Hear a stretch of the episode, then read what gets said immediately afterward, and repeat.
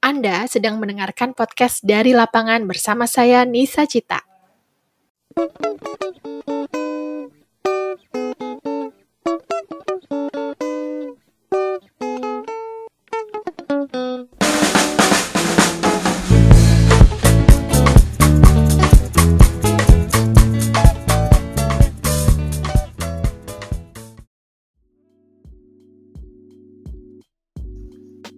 Beberapa waktu yang lalu, di bulan Maret, tepatnya sebelum pandemi, saya jalan-jalan ke toko buku diskon di Jogja.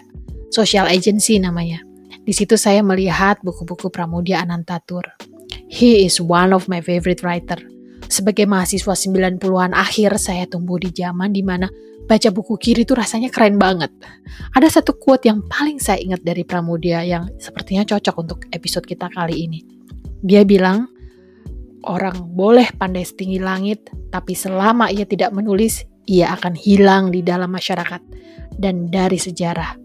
Menulis adalah bekerja untuk keabadian.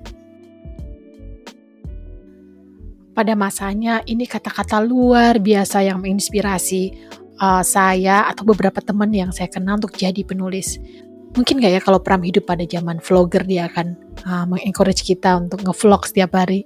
Rasa-rasanya sih enggak sih. Uh, anyway, uh, kita nggak akan ngomongin tentang Pram atau bagaimana saya cinta dengan buku-bukunya. Hari ini saya akan berbagi tentang kegiatan workshop menulis yang saya selenggarakan bersama komunitas perempuan pengungsi di Jakarta, Sisterhood Community Center. Kegiatan writing workshop ini diselenggarakan sepanjang Oktober hingga Desember tahun kemarin bersama rekan saya Lia.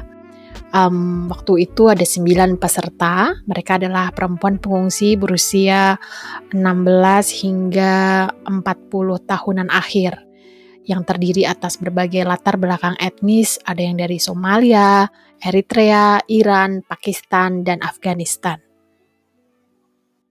Pada episode podcast kita kali ini saya sudah ditemani dua orang teman yang luar biasa.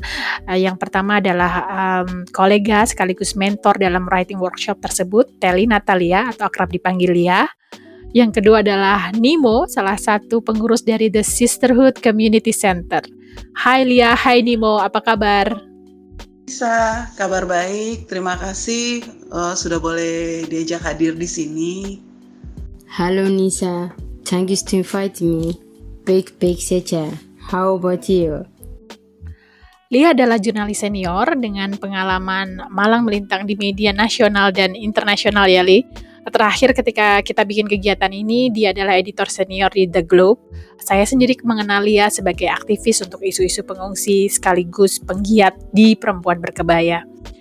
Lia, Lia, kalau kita bicara tentang isu pengungsian, mungkin ada seribu satu hal rasanya yang banyak banget orang eh, nggak uh, tahu gitu. Tapi if we squeeze them down into five things, apa sih lima hal yang orang harus tahu soal pengungsi? Uh, lima hal yang mungkin bisa di-highlight untuk mengetahui apa sih yang dimaksud tentang refugee atau bagaimana kehidupan mereka di Indonesia itu pertama Pengungsi yang dimaksud ini adalah pengungsi yang uh, asal negara asing ya, atau refugee. Mereka adalah orang yang melarikan diri dari negara asalnya demi alasan keselamatan jiwa. Jiwa mereka di negara asal itu terancam karena berbagai alasan seperti karena perang, konflik uh, horizontal, karena suku mereka, etnis mereka, keyakinan iman, keyakinan politik. Intinya mereka yang mengalami atau berpeluang besar untuk mengalami persekusi di negara asal. Mereka kemudian melarikan diri dan mencari suaka atau perlindungan uh, internasional. Yang kedua, yang perlu diketahui itu perlindungan para pencari suaka ini ketika mereka telah meninggalkan negara asal, perlindungannya itu ada di bawah tanggung jawab komunitas internasional, baik itu institusi negara maupun masyarakat secara umum. Yang uh, dalam hal ini secara resmi itu pengaturannya dipercayakan oleh Persikatan Bangsa-Bangsa atau PBB di bawah Komisi Tinggi PBB untuk Pengungsi atau yang kita kenal sebagai UNHCR. Ketiga yang perlu diketahui tentang refugee itu uh, untuk legalitas mereka kan kalau orang asing ada di sebuah negara di negara lain itu biasanya tuh yang normal kita punya paspor ya.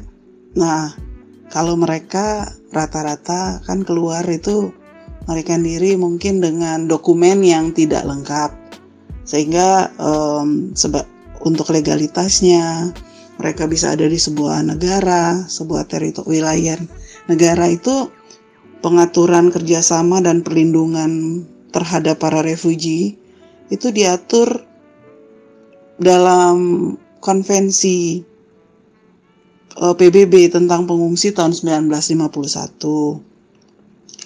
Nah, itu ada negara-negara yang memang sudah menandatangani bersepakat untuk menjadi bagian dari konvensi 1951.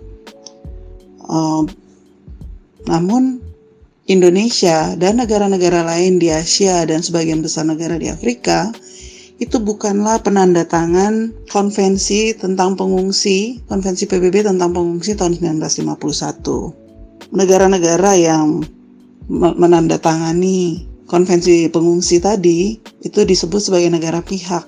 Di antaranya seperti uh, umumnya negara Eropa, kemudian Amerika, Inggris, Australia, New Zealand.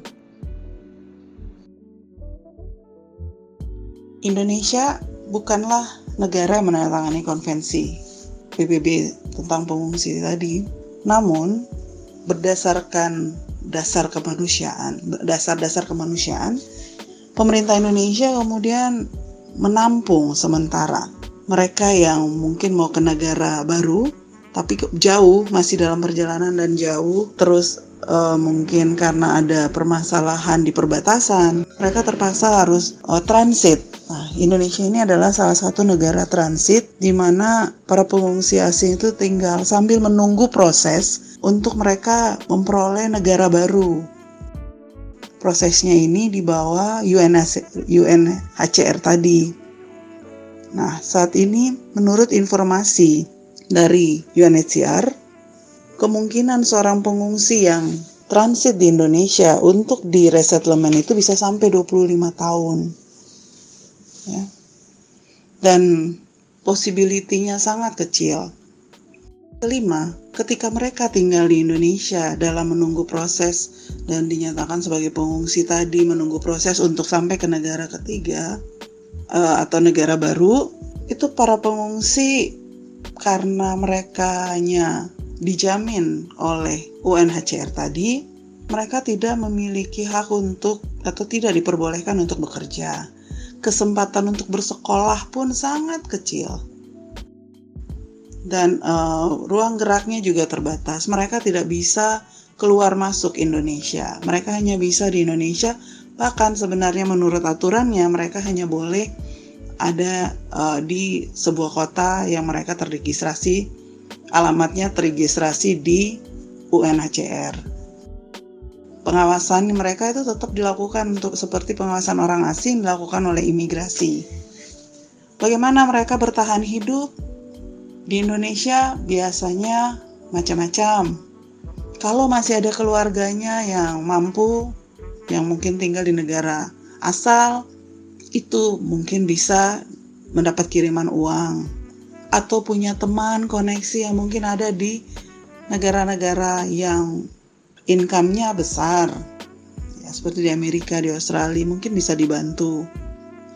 Tapi kalaupun tidak akhirnya mereka harus berusaha bagaimana bertahan hidup banyak orang Indonesia yang sudah mulai paham dan mulai ikut membantu ya mungkin memberikan tumpangan tempat tinggal dan makan se selayaknya. Tapi bukan berarti ada yang untuk ketemu nasi saja mungkin dua hari atau tiga hari sekali baru ketemu. Jadi nggak makan maksudnya. Banyak kendalanya. Mereka hidup sangat jauh dari kemewahan, hanya bertahan dan dalam waktu yang tidak pasti, masa depan tidak pasti. Hak-hak untuk menikah, apa uh, misalnya pernikahan karena mereka tidak memiliki uh, dokumen resmi sebagai warga negara suatu negara, akhirnya memang pencatatan pernikahan-pernikahan mereka itu tidak bisa dicatatkan secara negara. Menikah bisa, hanya dicatatkan seperti yang kita kenal dengan nikah siri. Jadi sangat banyak problematiknya. Yang banyak dilakukan hari ini adalah bagaimana upaya-upaya civil society yang memahami keberadaan para refugee ini untuk membantu mengadvokasi hak-haknya tadi. Dan sampai saat ini progresnya sangat lambat. Namun demikian, eh, Indonesia itu adalah tempat yang lebih baik bagi mereka yang transit sambil menunggu prosesnya. Karena tadi pemerintah mengedepankan dasar-dasar kemanusiaan dalam penanganannya. Dan orang Indonesia yang sifat tolong menolongnya cukup membantu. Jadi kalau dilihat mereka orang asing, tidak serta-merta mereka itu kaya. Mereka sangat terbatas dan itu yang mengakibatkan kemudian mereka hidup dalam kondisi yang sangat stres karena untuk akses kesehatan pun mereka susah. Saya sendiri bukan orang yang mengakrabi isu ini sebenarnya. Saya bukan aktivis atau bukan ahlinya gitu. I just happen to apa ya tergelitik tergelitik dengan situasi di sekitar saya dan tergelitik untuk cari tahu dan mencari tahu apa yang bisa dilakukan dengan pengetahuan dan kemampuan saya sendiri. So intinya when I met Lia, sebelumnya saya sudah punya satu kegiatan dengan komunitas sekolah pengungsi di Roshan Learning Center di Jakarta Selatan, yaitu sebuah project Photo Voice yang akan saya ceritakan di kesempatan terpisah nanti. I was a bit curious uh, when I met Lia, when I was a bit curious what we can collaborate as we both has um, soul of activism Lia seorang jurnalis dan saya orang yang bekerja di bidang komunikasi. So we come up with writing workshop. Uh, the idea was making writing for healing previously, but I'm not a psychologist, neither is she. Uh, jadi kita bikin pelatihan menulis yang sifatnya uh, mengencourage para peserta untuk melakukan journaling gitu atau menulis uh, diary gitu ya, gampang ya. By the way, Li, kamu kan udah jadi jurnalis sekian lama dan dan aktif melakukan pelatihan menulis untuk mereka yang notabene bukan penulis ya, atau bukan orang-orang yang bercita-cita jadi penulis gitu, tapi orang biasa gitu. Kenapa sih, Li? Uh, menurut kamu kenapa sih orang harus lebih banyak orang yang harus bisa nulis gitu misalnya let's say uh, kenapa nggak dia bisa ngevlog gitu misalnya kenapa menulis kenapa bukan yang lain karena yang saya tahu bahwa menulis, apalagi kalau kita menulis tangan, bukan uh, dengan laptop, bukan di handphone, itu termasuk salah satu cara untuk menterapi diri. Jadi orang yang dalam situasi stres itu memang untuk healingnya itu salah satu caranya memang dengan menulis. Bila kebanyakan kita kan tidak bisa untuk berbicara dengan teman atau curhat dengan yang lain tentang apa yang kita alami, ketika kita menulis kita bebas untuk menuangkan. Kita berbicara pada diri kita, tapi keluar. Konsentrasi saya itu adalah oh, memang untuk healing. Tapi kemudian satu hal lagi bahwa menulis itu meletakkan sejarah yang direcord dan tidak akan hilang. Menarik nih ketika Lia bilang, ketika kita menulis, kita bicara pada diri sendiri. Setuju banget ya, Li. Apalagi kalau kita bicara penulisan reflektif, seperti melalui jurnal atau diary. Kayaknya sih sederhana, tapi dalam perjalanan menuliskannya, kita sebagai penulis dapat banyak manfaat loh. Apakah itu meningkatkan ingatan, merekam bagian penting dari hari seseorang, atau bikin rileks atau mengorganisir pikiran misalnya gitu ya. Dari proses merekam dan mengekspresikan pikiran tersebut sering kali membantu kita memahami apa yang kita sebelumnya tadinya nggak tahu atau nggak sadar. Nah, ini yang sebenarnya coba dibangun dari pelatihan singkat dengan sejumlah anggota dari Sisterhood Community Center waktu itu ya. Dari sekitar 5 sampai 7 pertemuan, ada sejumlah topik yang disampaikan seperti dasar-dasar um, manfaat menulis untuk mengekspresikan diri, panduan menulis dengan jujur, tips-tips mendeskripsikan situasi, menceritakan kembali pengalaman, yang semuanya dibuat sedemikian rupa praktis dan bertahap dengan sejumlah latihan atau praktek menulis seperti menulis surat untuk diri sendiri, menulis surat untuk orang lain, menulis puisi bahkan dan menulis bebas. Nah, senang sekali pada malam ini kita juga kedatangan satu tamu yaitu pengurus dari The Sisterhood Community Center, yaitu Nimo. We call her Sister Nimo. Uh, karena dari sisterhood tadi ya.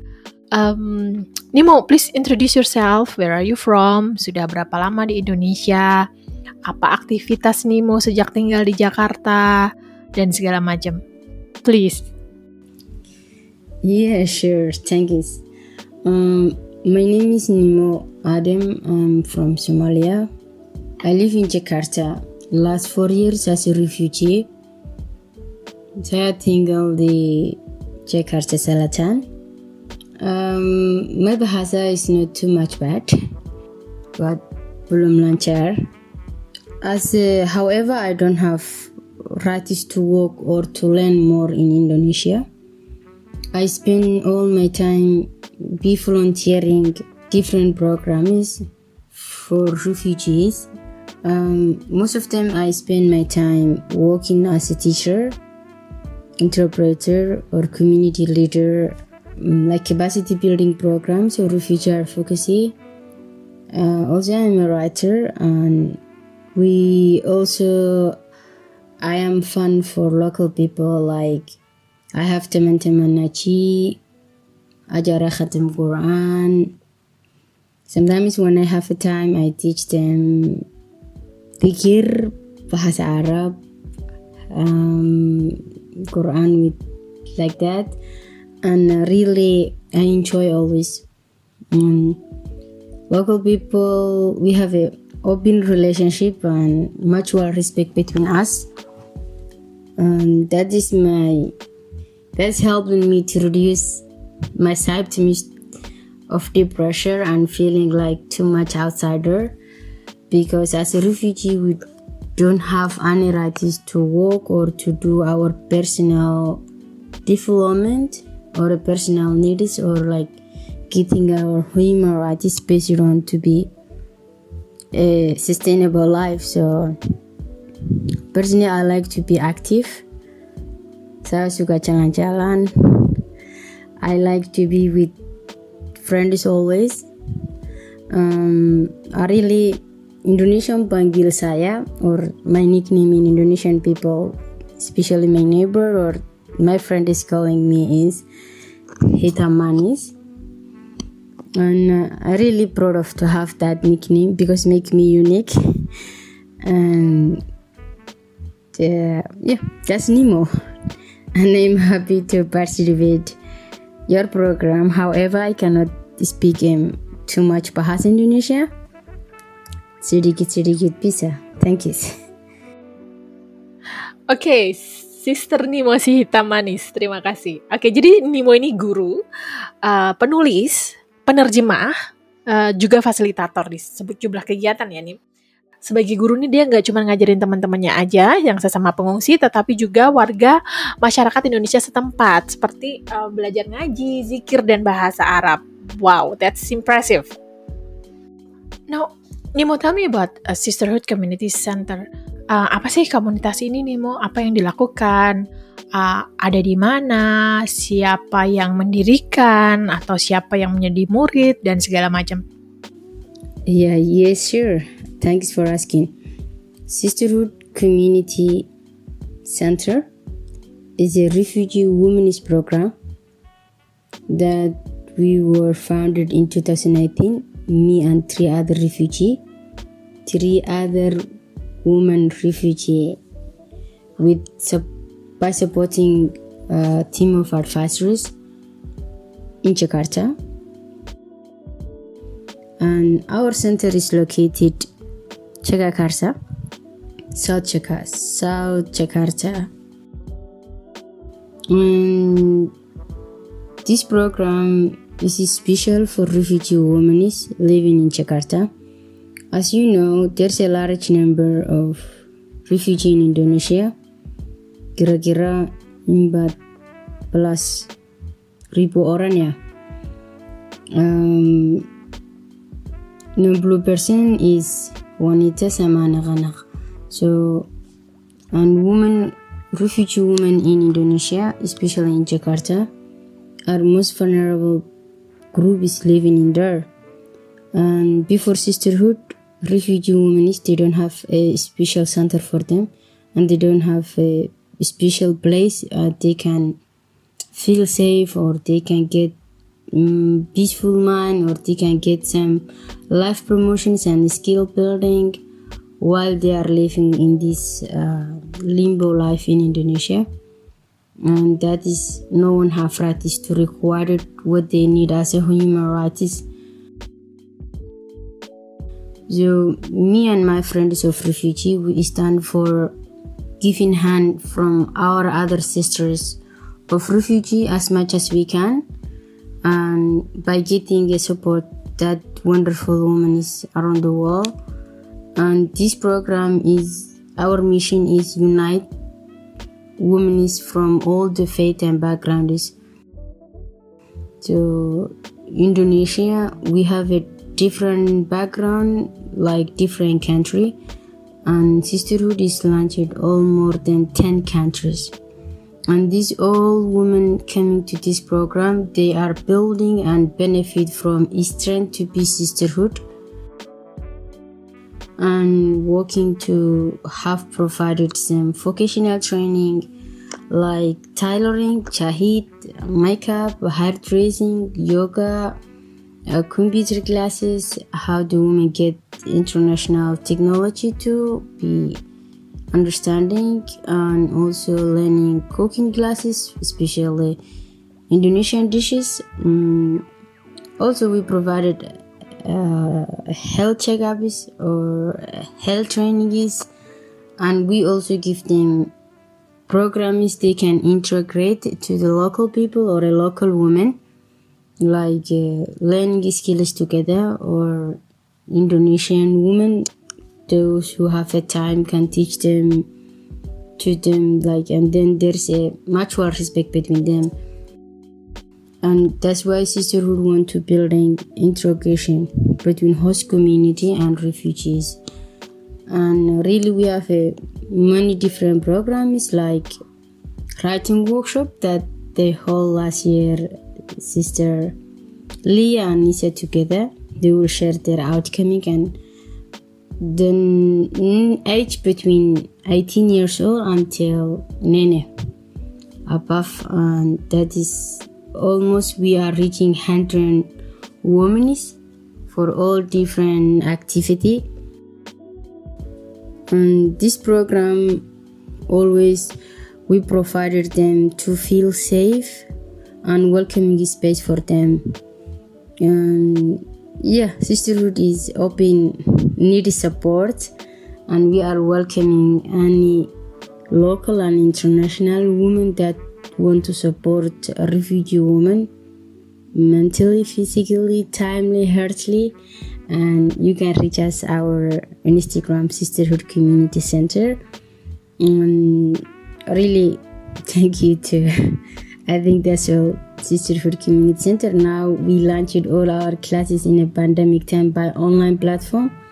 And so that it means still we are keeping teaching for refugee women while they are staying home.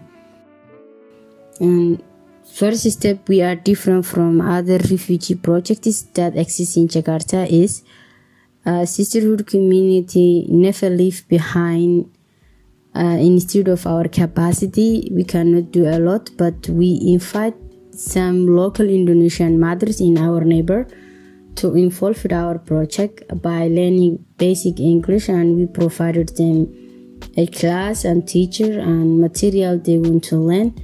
And really that is make them amazing and happily to try and speak in english while they are coming free join and free classes to our center we are happy to have them and they are happy to have us and that's sisterhood community center Nimo, seperti yang saya tahu, Nimo juga adalah seorang penulis ya.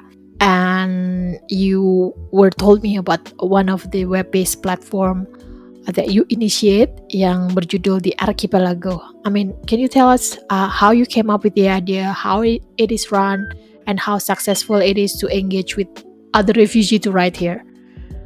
Oh, but we have to make disclaimer that our writing workshop, pelatihan atau workshop menulis kita kemarin yang saya dan Lia selenggarakan bukan inisiatif yang linear dengan kelahiran di archipelago ini. Uh, yes, sure. Menulis program ini uh, is called the Archipelago in online magazine and is free platform. And we are building for refugee community in Indonesia. Like, we want to build a collective within a refugee community in Indonesia. Uh, I say again, many of refugees like uh, living without any legal and they lost motivation of their dreams, like becoming something. So, however, their dreaming is still to become a writers artists, photographers, journalists, uh, public speakers, maybe politicians, lawyers. So they need something make them motivate and keep tracking and learning to their dreams. So Manulis program ini is like making them a hope. So I remember one first time we invited to the people to sign off the collective uh, writers workshop, uh, many of my refugee friends tell me, Are you sure, Nemo? Is it possible? Like, I can write my story and then I can publish. Uh, then I reach global audience. And as I like to be a writer, I said, Yeah, we can. Just let's try. And then really we try by getting guideline and training with amazing man from Australia is Kieran, is the founder of this program. And then we hold the first writers workshop October 2019. And that is this is like the opportunity to hone their creative skilling. Like we can make our own creative writing and speaking their our reality as a refugee.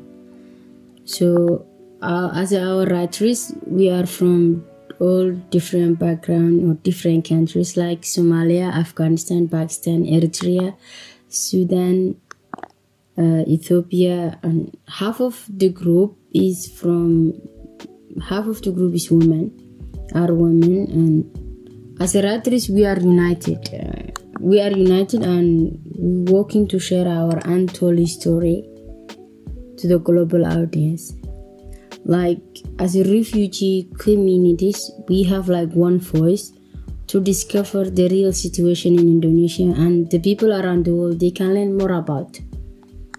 The amazing thing is together we learn writing skills share our experience each other. Like i don't have more about experience in Pakistan or Afghanistan and maybe my sister or my brother he don't know more about Somalia and Ethiopia and Eritrea so we are sharing our experience each other and develop our individual projects writing and many of the writers working without laptop working without computers. Uh, they write by they write by taxing their mobile phones. And then really they are making amazing article or piece of writing that you can understand how this piece of writing is talking about the reality. So the Manulis program ini the main objective and goal is, is like refugee can talk by themselves and they can write they can take photographs to become a public speakers by then or when without sponsoring other people so it is a free platform for all refugees can submit their writings for free with guideline and editing and advising. And also this program welcoming the international writers like indonesian and around the world to support their experiences they have in immigrant or a refugee with this platform in website or online magazine to support their words in a refugee community that want to raise their voice together. And menulis program ini give back to the refugees to get motivation of their dreams and getting positive blogs and messages after they're publishing their writing and that can be make something uh, make them something easy to survive in this limbo life and really is it like i can call it advocacy platform platform for refugees. And they can gain in different uh, skills like writing photography so everyone as a refugee join his own a skill. Like if he photographer he can join as a photographer. Like i'm a writer especially i'm good for creating writing. So like i'm become a creative writer so that is what uh, the Arbigologo is doing and it is available you can visit the instagram and you can also visit and follow the website Hmm, jadi yang saya catat, Sisterhood Community Center ini komunitas yang mengajak perempuan pengungsi untuk belajar hal-hal vokasional seperti menjahit, memasak, um, make up atau berkebun gitu ya. Nah, yang menarik nih, tapi yang membuatnya berbeda dengan community center untuk pengungsi yang lain, di sisterhood ini mereka juga ngajak lo warga sekitar untuk belajar di sana gitu. Seperti basic English misalnya yang mereka sediakan tutornya gitu. Tapi itu sebelum pandemi. Nah, sekarang begitu pandemi, kelas-kelas ini kemudian berpindah platform di secara daring. Lia, back to you again. Menurut pengalaman Lia dengan pelatihan atau kegiatan menulis untuk komunitas yang bisa dibilang komunitas rentan ya, seperti uh, pengungsi, perempuan pengungsi seperti ini, apa sih pembelajaran utamanya? Atau how Oh, we define successful writing workshop for such communities. Indikasi sebuah workshop menulis itu sukses, biasanya yang kita targetkan itu ketika menulis itu hasil akhirnya paling nggak jadi buku. Jadi apakah itu buku itu collective writing, boleh ataupun masing-masing orang kemudian ketika uh, cukup untuk uh, secara mandiri, secara terpisah dipublikasi alangkah lebih baiknya. Itu itu kurang lebih indikasinya. Tapi tadi tujuan-tujuan kita mengajarkan menulis itu juga untuk termasuk memicu orang untuk bisa untuk rajin membaca menambah ilmu pengetahuan. Kalau membaca menulis itu juga menghindari kita dari pikun jadi banyak uh, lebih ke aspek kesehatan mental dan kesehatan um, raga kita Um, bener juga sih ya, workshop kemarin sih memang outputnya nggak sampai di tahap si menerbitkan buku misalnya dan uh, masih menjadi latihan individual. Tapi bagian penting dari menulis bersama kelompok seperti yang kemarin kita lakukan, menurut saya juga belajar uh, berbagi narasi personal dengan yang lain. Uh, saya ingat uh, John Sadowski, salah satu coach personal storytelling, dia bilang, telling our personal stories of identity is a reaffirmation of who we are, who we are striving to become, and what is meaningful to us. Menceritakan cerita personal tentang identitas kita sendiri itu merupakan suatu proses reafirmasi tentang siapa diri kita. Kita mau jadi orang kayak apa dan apa yang bermakna untuk diri kita. Oke, okay, Lia dan Nimo, terima kasih sudah bergabung. Terima kasih pendengar yang sudah rela meluangkan waktunya mendengarkan celotehan ini. Sehat selalu di mana pun berada. Wow, that will be highlight of our conversation. Saya nggak akan menyimpulkan apa-apa lagi. Ah, terima kasih Lia dan Nimo sudah hadir dan ikut meramaikan episode kedua podcast kali ini. Terima kasih untuk para pendengar serial podcast dari lapangan. Saya ingat apa yang dibilang seorang penulis uh, luar biasa Maya Angelou dia bilang there is no greater agony than bearing an untold story inside you tidak ada penderitaan yang lebih mendalam dari menyimpan cerita yang ingin kita sampaikan. Sampai jumpa di episode selanjutnya.